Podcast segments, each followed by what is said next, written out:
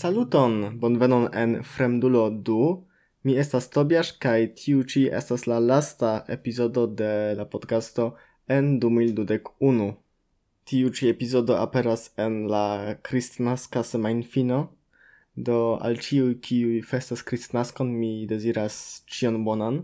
Ankaŭ al aliaj personoj kiuj aŭ ne festas aŭ festas ion alian similtempe mi deziras eh, tre feliĉan tempon kai facilan pason al la sekva kalendara jaro, almenau laŭ la gregoria kalendaro. Verdire persone mi neniam ŝatis kristnaskon, Exemple la lastan mi pasigis tute sola en en Francion Parizo. Mi faris tutan epizodon de la podcasto pri tio. Mi sentis vere neniun mankon, mi ne sentis ke io mankas al mi kai ke mi shatus esti kun mia familio en tiu periodo. Existas aliei okazoi en la jaro kiui felicigas min pli, sed tamen mi shatas ke estas kristnasko ke oni havas iom da liberaj tagoj por fari ĉion kion oni ne sukcesis fari antaŭe pro manko de tempo. Inter alie estas tempo por eble resumi la jaron, Oni sufiĉe ofte faras tion, ĉu ne, kaj eĉ provas fari ion novan dum la sekva jaro. Pri tiu dua parto mi ne vere estas tiom optimisma, mi opinias ke fari tiu noviarain rezolucioin au iuin aliain sindevigoin ne vere funkcias, esas pli bonain manieroj por krei novain bonain kutimoin, tamen resumi sian vivon au iun tempon esas tre grave por, nu, por lerni de, de siai eh, eraroi, de siai eble ne tiom successai pasoi, kai ancau pri tio mi estis iom skeptika iam, Tamen ekde kelkaj jaroj mi provas ĉiujare fari tiun jarkompason. Se vi ne konas la iniciaton, vi povas viziti la retpaĝon yearcompass.com laŭ mia memoro aŭ simple tajpu en, en, en Google jarkompaso. Ĝi estas disponebla en pluraj lingvoj, inter alie en Esperanto. Tie sur la retpaĝo vi trovos la instrukciojn kiel fari, kiom da tempo oni bezonas, kion oni devas prepari, Mi kutime faris tion eh, vespere en iu noviara tago, do aula 1 de januaro, aula 2 de januaro, kai mi tre tre ŝatis tion, mi sentis ke mi povis iel fermi iun periodon eh, specife kaj precipe kiam temis pri iuj malfacilaj aferoj. Nu, mi ne vere havis malfacilajn travivaĵojn en mia vivo, dankal Dio, sed eh, estis momentoj kiu mi devis iel prilabori en mia capo au provi forgesi au juste ne forgesi kaj tio estas tre bona utilo la mia opinio. Do ancora foje iar compasso vi trovos la ligilon en la priskribo de tio tiu epizodo.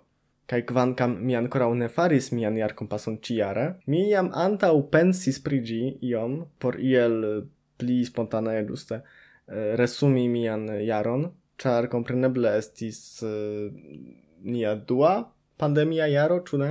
Eh, ĝi estis iom stranga, oni pasigis sufiĉe multa de tempo por organizi junlaran esemajnon, jes, en Germanio, kiun ni devis tamen nuligi.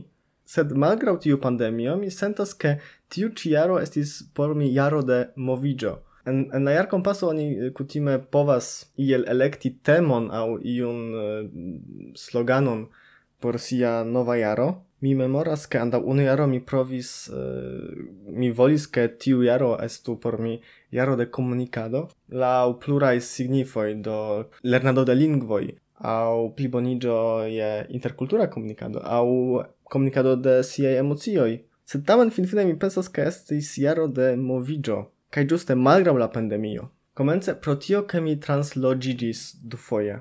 Uh, mi komencis la jaron en Liono kun mia amikino. Mi parolis pri tio en iu el la antaŭaj epizodoj en la unua serio. Tiam mi loĝis uh, en Parizo pro la interŝanĝo kiun mi havis. La interŝanĝo finiĝis iam en februaro kaj efektive en februaro la okan aŭ la sepan de februaro mi iris uh, mi flugis de Parizo al Varsovio. Tiam por du monatoj mi ekloĝis en, en, en la studenta hejmo de mia muzika universitato do estis la unua translogigio. Gi, fakte gi nesis tiom recta, char mi devis unue tranokti ce mia amikino, poste iri al tio studenta heimo, poste preni miain aferoin de Krakovo de miaj gepatroi, kai tio verŝajne estis uh, tiu pli complica translogigio ciare. Kai mi fakte nestis, kiom da tempo mi loĝos en tiu studenta heimo, mi simple pensis ke mi loĝos eble ĝis la fino de la semestro kaj se mi trovos ion bonan por iun bonan loĝejon, tiam au chambron, tiam mi simple translogigas pli frue. Tion efektive mi faris, fine de marto mi translogigis al, al mia nuna logeio. Tio estis sufiĉe facila, ĉar en la studenta hejmo mi ne havis multajn aferojn, suficis simple peti amikinon eh, veni kun sia auto, preni miajn aferojn kaj min, kai veturigi min, uh, scias eble unu kilometron for al la nuna loĝejo. lasta tempe mi pensis pri tiu periodo, Uh, mi ne scias ĉu vi havas, ĉu vi sentas vin simile, sed eh, estas tiel por mi, ke mi sufiĉe ofte aŭskultas iujn kantojn uh, kaj aŭskultas ilin sufiĉe regule kaj uh, ofte kaj poste mi iel ligas ilin kun tiu momento. Da ekzemple estas kelkaj kantoj kiujn mi ligas kun mia restado en la studenta hejmo. Estas unu specifa kanto kiun mi ligas al la periodo de la dua transloĝiĝo Estas ankaŭ kelkaj kantoj kiujn mi ligas al la restado en Parizo kaj do kiam eh, vi scias mi uzas tiun servon Spotify. Mi ne tre ŝatas ĝin pro ideologiaj kialoj, sed mi uzas ĝin, eh, mi diros honeste, kaj ĉiujare ĝi havas tiun tiun opcion, eh, ĝi nomiĝas Wrapped, vavoro a popo edo la principo estas simpla, di simple collectas cion kion oni auscultis dum la tuta jaro kaj diras al vi exemple vi auscultis uh, eh, play da tiu genro, uh, poste tiu genro kaj tiu genro, eh, via play shatata kanto estas tio, eh, kaj en ĉi tie estas ludlisto kun viaj plej ŝatataj kantoj eh, ĉiare. Eh, mi ne scias kiel ĝi funkcias precize, do pro tio ke mi aŭskultas diversajn aferojn, tre diversajn aferojn, Kai inter tre populara muziko estas muziko kiu estas konsiderata kiel klasika. Spotify ne vere komprenas, ke tiu klasika komponaĵoj oni ne povas aŭskulti in aparte. Do ekzemple ne estas senco aŭskulti nur unu movimenton de piana koncerto, aŭ ke ne estas senco aŭskulti nur la uverturon de iu nu, de iu orkestra peco. Tial kiam mi aŭskultas tiun rapt, mi audas multe da eh, uh, minestias Dua Lipa, Lady Gaga, Taylor Swift, Ava Max, uh, iu eurovidaj cantoi, multe da eurovidaj cantoi, kai subite minestias Shostakovich o Handel. Kai kiam mi auskultas kelkain el tiui cantoi, mi giuste rememoras tre tre vive tiujn emociojn kiujn mi havis ĝuste en la momento de la transloĝiĝoj en la momento de restado en Parizo, de, de restado en la studenta heimo, kai anka la posta in periodo in char poste mi komencis lodi citie mia vivo iel stabiligis mi finis la studoin la muzikajn studoin tio estis fine de junio, kai mi memoras, ke pro iu hazardai coincidoi mi iris al Gdansko, en norda Pollando, por unu nokto, vertire, Kaj tio estis tute hazardo, tute neplanita, tute spontanea. Fakte tio estas interesa afero, sed eble ne tiom deca por rakonti ĝin publike, sed bone, mi iris tien, parte pro tio, ke mi tute ne havis planoin por, por la tuta somero. Uh, mi estis tiom okupita pri la studoi, pri la bakalaŭra laborajo, kaj pri mia laboro simple, kaj mi tute ne havis planoin, kaj ec ne volis fari planoin, ĉar mi tute ne sentis la someron. Do mi komencis julion kun neniuj planoj verdire. Kaj poste montriĝis ke fakte tiu semajnfino en Gdansko montriĝis la unua el eble ok au nau semajnfinoj kiam mi ciam voyagis. Do tiam mi diras ke tiu jaro estis jaro de movigio, char mi multe voyagis, ne vere longe voyagis, sed ofte, kai ne for, sed tamen.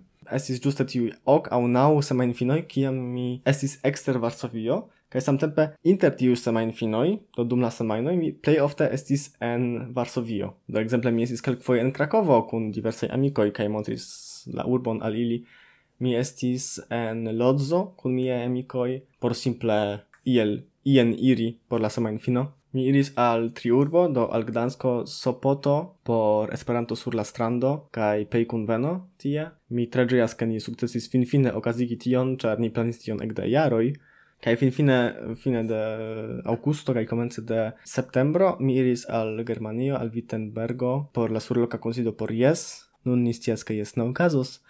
Tamen eh, tio estis tre bona ekskurso por iel vidi la mondon, iel eliri el Pollando post kelkaj monatoj ene.